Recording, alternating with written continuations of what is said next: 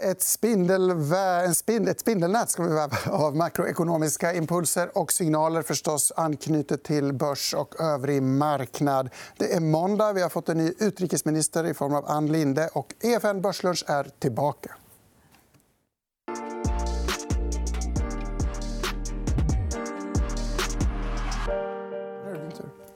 Ja, vi har varit väldigt upphetsade inför det här spindelnätsavsnittet. kan man kanske kalla det. Eh, kul att ha er här, Lena Fahlén, Mattias Isaksson. Eh, Mattias, bankerna går starkt. Reflektion. Bankerna började gå lite starkt förra veckan med lite mer hökaktig Riksbank än väntat. Och sen en ny vd i Nordea. Så jag tror att det är mycket det som håller i sig här på morgonen. Mm. Och på torsdag så får vi ECB-besked hur ser ni på det? Det är jättespännande. Eh, dels vad de gör. Vi tror att de kommer sänka räntan. Eh, men också vad de säger om QE-programmet. Det vill säga, kommer de återuppstarta det? Kommer de signalera? Eller vad händer kring framtiden? här? Så det är spännande. Mycket spännande. Vi går direkt på huvudnumret. som är alltså den här spindelnätsgrafen. Det var länge sedan vi hade en sån. Vi har twittrat om det.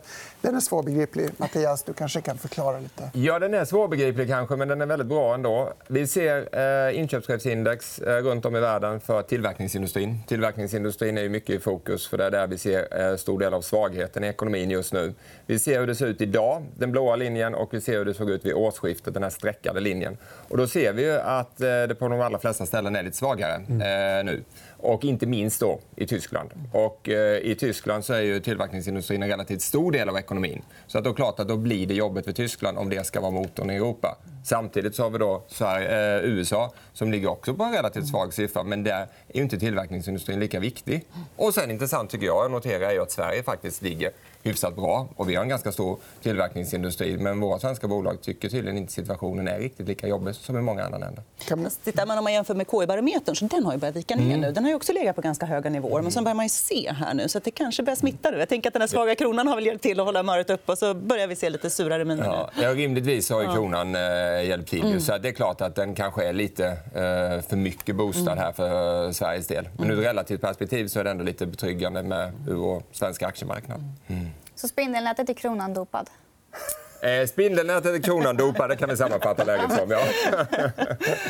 vi går vidare. Vi har, eh, du nämnde amerikansk eh, ISM, PMI. Vi har en bild över den chockerande tudelningen vi ska säga, som vi fick i förra veckan. Fortsatt neråt då för tillverkande industri. Men tjänstesektorn verkar ju hur glad som helst. Ja, men det här är lite intressant. för Det blir lätt de här domedagsprofetiorna när vi pratar USA. Att mycket viker ner, yieldkurvan har varit negativ, ska det bli recession. Att Tjänstesektorn är hyfsad. Tittar vi på husmarknaden så börjar den visa tecken på att de här låga räntorna nu börjar skina igenom. Så det är inte kanske riktigt så dystert som vissa av de här krigsrubrikerna ger sken av. Så det tycker jag är lite intressant. och Det bekräftas ju av den här grafen. Ja, jag tycker verkligen att det, det är ett tecken på att amerikansk ekonomi relativt i alla fall många andra mm. länder liksom, den är rätt hygglig. Mm. får man ändå se det som. Vi pratade om den grafen förra veckan där Christian Granqvist var väldigt oroad. Han trodde inte att tjänstesektorn skulle orka bära vad, hur ser ni på det? Nej, men normalt, förlåt Mattias, nu hoppar jag in. normalt så brukar industrin vara väldigt mycket navet i en ekonomi. Så att även om det är en liten del av en ekonomi så är det mycket av tjänstesektorn som snurrar kring det här navet. Man har advokater eller marknadsförare eller någonting. Så att industrin brukar stå för svängningen och sätta tonen. Och jag tror att det är därför vi är så oroliga också. Men det är klart att tjänstesektorn är stor, så det är en kudde. Ja, men det är ju det. Och sen såklart att tillverkningsindustrin har ju alltid och är ju än idag. Det påverkar ju finansmarknaderna eh, än mer. Även om det precis som du säger, tjänstesektorn kanske kanske för ekonomin i sig är viktigare. Men det är svårt. Vi kan inte särskilja dem. De, de är ju sam, mm. sammanlänkade på många sätt och vis. Men det är ändå en stor skillnad och det ska vi ha med oss. Mm. Inom industrin i USA så är det ju så att den exporterande delen har det lite motigare om man tittar på framåtblickande vinstprognoser. Jag twittrade om häromdagen och då fick vi en tittarfråga som lyder så här. Om man skulle gissa vad det är som gör att då vinstestimaten för export, amerikansk export går ner skulle det bli handelsoro, sanktioner eller stark dollar eller den här globala konjunkturavmattningen som vi fick en hint av i spindelnätet tidigare? Man ser ju först och främst det är väldigt tydligt hur rapportutfallen eh, var nu i senaste rapportsäsongen. Då ser man att bolag med en stor exportandel, eh, det var ju där besvikelserna var. Så det är en tydlig skillnad att det är de exporterande bolagen som har det jobbigt här. Och det är klart att sanktioner och tullar eh, med mera, det, det, är klart det slår ju direkt om man applicerar det på förväntningarna. så att säga. Och det är ju samma sak. Skruvar du ner förväntningarna på global tillväxt så slår ju det också på det. Så det är en kombination av de här bitarna skulle jag säga som gör att det blir jobbigt för de amerikanska estimaten. Stark dollar, då? Ja, men jag tror att det påverkar också. Vi har alla de här sakerna. Så det blir som mörka moln som kommer från Mm. ganska många olika håll. Men jag skulle också gissa att det är handelsoron spökar mest.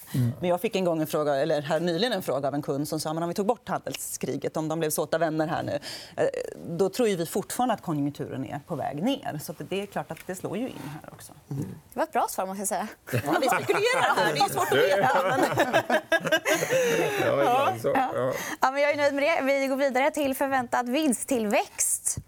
Och det här, alltså, 2019 vad kan man säga, blir det ett ganska tråkigt år men 2020 ser fortfarande starkt ut. Jo, men här kan vi återkoppla till förra frågan. Egentligen. Det, här, det här visar verkligen hur lågt eh, vinstförväntningarna ändå har kommit ner nu. Titta på USA här. Eh, vi är nere liksom på ja, 1,5 procent ungefär. Och eh, tittar vi på kvartalen så var det ju negativ vinsttillväxt både i första och andra kvartalet. Förväntas negativ i tredje och sen ska det komma tillbaka lite i fjärde. Så vi har ju knappt någon vinsttillväxt att prata om i USA. Detsamma är ju när vi tittar på världsindexet längst ut på bilden. Det är 1,7 eh, tillväxt eh, på globalt, ett globalt aktieindex. Så att förväntningarna har kommit ner. Det är relaterat till konjunkturen, det är relaterat till handelsoro med mera. Och det är klart att 2020 då ser eh, lite högt ut.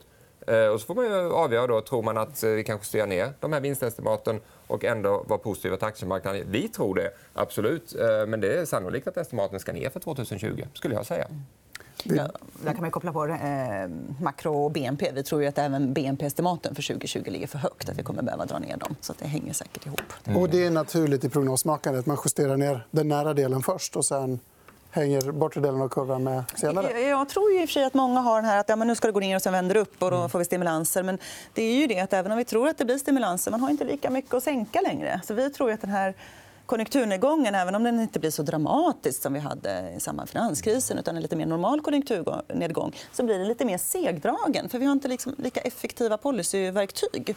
Eh, och det tror jag inte alla andra prognosmakare tror. Så därför tror jag att vi kommer fortsätta se lite nedrevideringar. Vi har pratat mycket här senaste veckan om finanspolitiken, att den kommer steppa in istället. Har ni någon syn på det? Eh, Alltså, vi tror att det kommer komma, men det är ju ingenting som kommer... Det kommer sannolikt inte lika snabbt. Det kommer lite senare, det kommer vara lite segare och det är svårt att säga hur kraftfullt det blir. Så att det, finns ju förväntningar i marknaden ska komma och det finns ju rimligt, eh, rimligt att anta att något kommer. Men när och exakt hur mycket, det är väldigt svårt att spekulera tycker vi. Nej, men jag håller med. Och det, det är ju svårt att se att det finns så enormt mycket utrymme om vi tittar på USA till exempel där Trump redan har eldat, upp, eller ja, eldat på budgetunderskotten i alla fall. Kanske inte eldat upp dem. Men eh, Sverige kan man tänka sig, Tyskland kan man tänka sig. Men, men frågan är om det Ja, vi funderar lite grann, behöver det hända nåt allvarligare för att det ska ske? En hård brexit eller någonting? Eh, Det är lite trögt just nu. Ja, en hård brexit skulle ju säkerligen framkalla eh, stimulanser på det sättet. Eh, Men ska vi behöva gå hela vägen dit? kan man ju fråga sig. Nu blir det omvända världen ännu mer. att Man sitter och hoppas på dåliga händelser för att, så att vi ska få mer stimulanser för att börsen ska ånga på lite till. Börsen har ju varit i den där feedbackloopen att det snurrar runt. Liksom. Det kommer något dåligt och, och så blir marknaden orolig och så ska vi få, få stimulanser och så blir börsen glad. Och... Nej, men det där är ju alltid den där ständiga frågan. Har dåliga siffror är det bra för då tror man på det. Så det, där, det där lever vi alltid med. Och det är klart att det blir ännu mer aktuellt i ett sånt här läge när vi är i en sån här märklig marknad som är och märklig omvärld som vi är. Vi slänger in nästa graf eh, som handlar om globala PE-tal. Ja, Mattias, det här är- ja, men det här, I slutändan så liksom, ja, konjunkturen, eh, var den tar vägen, jag vet inte exakt. Men mot avmattning, vinsterna såg vi inte jätte eh, höga förväntningar. Och ett P tal då, ja, vi värderar aktiemarknaden globalt högre än vad vi gjort historiskt. Ja, det gör vi. Eh, ska vi vara rädda för det? Vi är ju inte särskilt rädda ur det här perspektivet. För värderingen säger inte så himla mycket givet att vi är i ett ränteklimat som är helt annorlunda. Så vad ska vi jämföra den här värderingen med? Tror vi, men man får, ju sätta, man får en uppfattning om vad är konjunkturen på väg. Är vi i en recession eller är vi i någon form av soft landing kontra ja, var ska räntorna ligga? Ja, då kan man börja bygga upp en ja, vad är en rimlig värdering. Ja, det är svårt att säga. Vi återkommer till värderingsfrågan inom kort. Men vi har lite mer makro i form av den här grafen. Allt är inte ve och elände, kan man väl säga. Svårt att se, men om man tittar längst till höger noterar vi överraskningsindex, alltså om stat- makrostatistik kommer in bättre eller sämre än väntat. Och både USA och Kina verkar alltså överraska på uppsidan istället för Har nedsidan. brutit över noll, eller? Ja, eh, Ja, nej, men verkligen. Men det, det är väl också det att man har faktiskt börjat ta ner estimaten för 2019. Så helt plötsligt så, så, så börjar det kunna överraska positivt. Och sen är det väl det här lite som vi var inne på, att allt är inte nattsvart. Det är en tudelad ekonomi i USA där vissa delar verkar gå ganska bra. Eh, så att det är väl lite betryggande tycker jag att vi inte är på väg rakt ner här just nu, utan lite mer vad ska man säga, nyanserad bild kanske.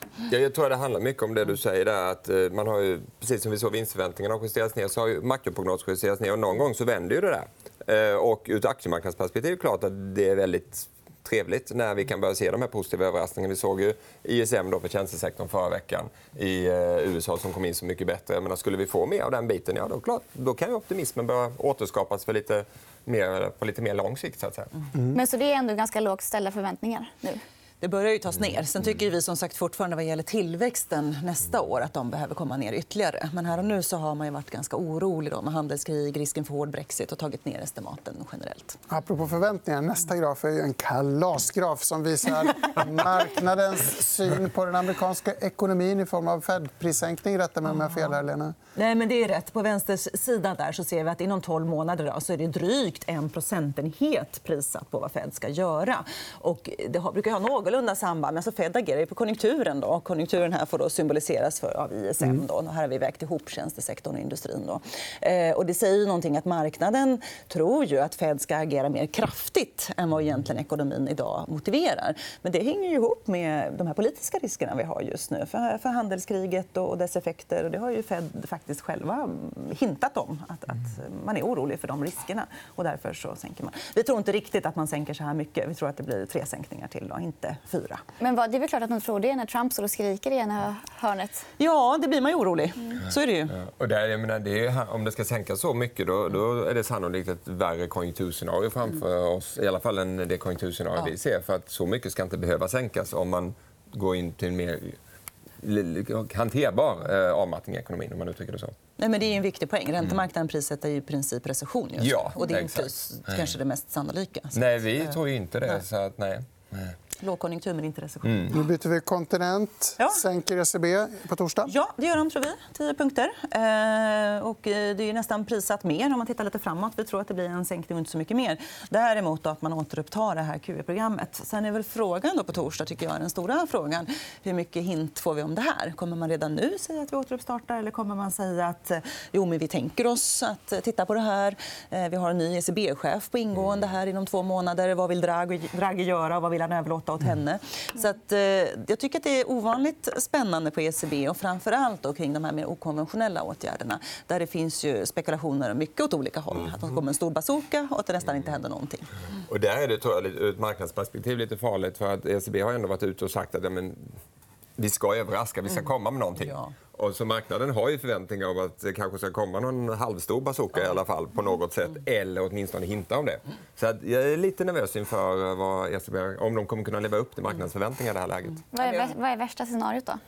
Ja, det är, jag menar, låt säga att de eh, kommer med någonting som marknaden anser att men det här är inte tillräckligt, det här är lite för mjäkigt. Eh, Det är klart att eh, då kommer antagligen marknaden ta stryk på det. Sen om det blir långvarigt eller inte, det, det behöver det inte bli. Men det är klart att då och på torsdag kommer det antagligen bli jobbigt i sådana fall.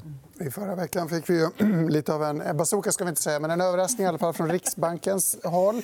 Kronan har stärkts på det, fortsätter stärkas på fredagen. Kul. Eh, ja. vi börjar bli ovana vid att kronan stärks. Så på det sättet är det väl kul. Det man ska komma ihåg, vi hade ju också här i slutet av förra veckan en, en global ränteuppgång och lite gladare riskaptit. Och det har ju också gynnat kronan som är lite eh, ja, en riskvaluta får man väl ändå kalla det. Så lite bättre riskaptit och sen i kombination då med Riksbankens hökiga eh, ja, penningpolitiska möte. Så, att, så att det har ju bidragit till kronan. Eh, men vi, det, det är mycket spekulationer kring det, men en viss kronförstärkning är ju motiverat. Men, men eh, investerare har ju velat hålla sig borta från den här kronan. Så att det har varit svårt att se när i tiden det skulle komma. Men vi fick ju en katalysator här i förra veckan. Mm. En annan sak du var inne på, Mattias, som jag vill återkomma till är räntevärderingen på börsen i, i det här låga ränteläget. Du har en spännande graf som du nästan får navigera oss igenom här. Ja, den här är kanske inte helt lätt att se, men det vi tittar på här är en tioårig svensk eh, ränta och hur stor avkastning den har gett under olika tidsperioder. Så översta där det står 10,7 då, det är 10,7 procent under perioden 95 till 2000. Och sen så faller det här ner då 2000 till 2005 så är det ner på 6,29 och sen drar den sig neråt eh, här hela vägen. Och vi kan ju konstatera att ränteavkastningen har sjunkit med tiden. Eh, och den där fina investeringen som hette en riskfri bra placering med någorlunda avkastning den, den finns ju liksom inte riktigt i dagsläget. Och nu har vi då en minusränta i Sverige och väldigt många andra länder. Och då så ställer man sig frågan hur ska vi kunna skapa avkastning, hur ska vi kunna leva upp till de åtaganden vi har. Det är inte helt lätt. Det kommer nog höja oss. frågan då att vi kanske måste försöka ha lite mer aktier för att kunna skapa den avkastning som vi bör eller som vi måste skapa. Det tror jag är en fråga som eh, funderar snarare runt rätt mycket just nu. Och då kan vi kolla på nästa graf. För där har vi börsen. Ja, här har vi eh, Stockholmsbörsen och eh, vinsterna.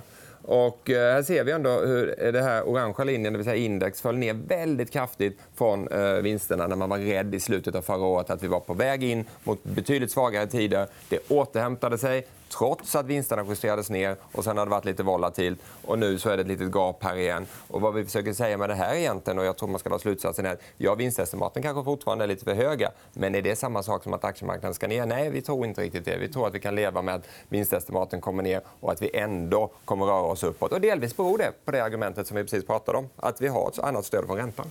Lena, om man skulle ge sig på samma resonemang med BNP-prognoser Ja, det vi kan se, vi har väl någon graf på det. Precis, att man har ju, det här är ju för i år. Då. Man har tagit ner estimaten framför allt för euroområdet och Sverige. Men vi, kommer, vi tror ju att man, man kommer behöva ta ner ytterligare, då, eh, framför allt för USA men, men, även för 2020. Och det är kanske det som är lite mer spännande att blicka fram emot nu 2020 där vi tror att man behöver faktiskt justera ner tillväxtprognoserna ganska rejält. Även om då ingen recession. Mm. Eh, men att ta ner det där ligger för högt. En sista graf har vi.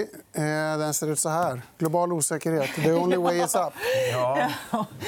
Jo, men det är ju det här att alla de här justeringarna av det vi tittar på det blir på något vis lite digitalt ändå. För att, eh, om det här blir ett fullskaligt handelskrig... Men säg att nu USA drar in det här med biltullar och, och vi i Europa då drabbas av biltullar. Eh, då kommer ju det här att bli tuffare. Då kommer ju BNP-prognoserna behöva dras ner mer. Jag misstänker att det blir stökigt på, på, på börsen. Sannolikt. Jag tänkte säga tvärtom. Att det som avslutande reflektion. Eh, I fredags pratade vi om att trots all den här osäkerheten har aktiemarknaden ändå stått emot ganska starkt. Håller du med om det? Ja, ja, det har den gjort. Och frågan är om man vågar lyfta blicken eller inte. Så att säga. För det handlar mycket om handelsdispyt, brexit, konjunkturavmattning med mera. Lyfter man blicken från och konstaterar att men vi får ingen eh, recession utan vi får lägre tillväxt och vi får eh, väldigt låga räntor under en lång period, ja, då kan aktiemarknaden röra sig fortsättningsvis uppåt. Och det är därför vi ändå i grund och botten är positiva till aktiemarknaden. Jag tror att det där är en viktig poäng. Men om det skulle bli någonting som triggar en recession, typ eh, biltullar, om det nu skulle vara det, då är vi ju i ett lite otäckare läge. Då är vi i ett otäckare läge och då kommer definitivt aktiemarknaden reagera negativt. Mm. Och Gabriel, om man inte är särskilt eh, positiv till aktiemarknaden då kan man köpa guld. Det kan man göra. Och vill man köpa guld ska man kolla på Börslunch imorgon. För då kommer Erik Strand och Sean George. En vidunderlig duo. 11.45 tisdag. Tack så mycket för idag. Tack. Tack.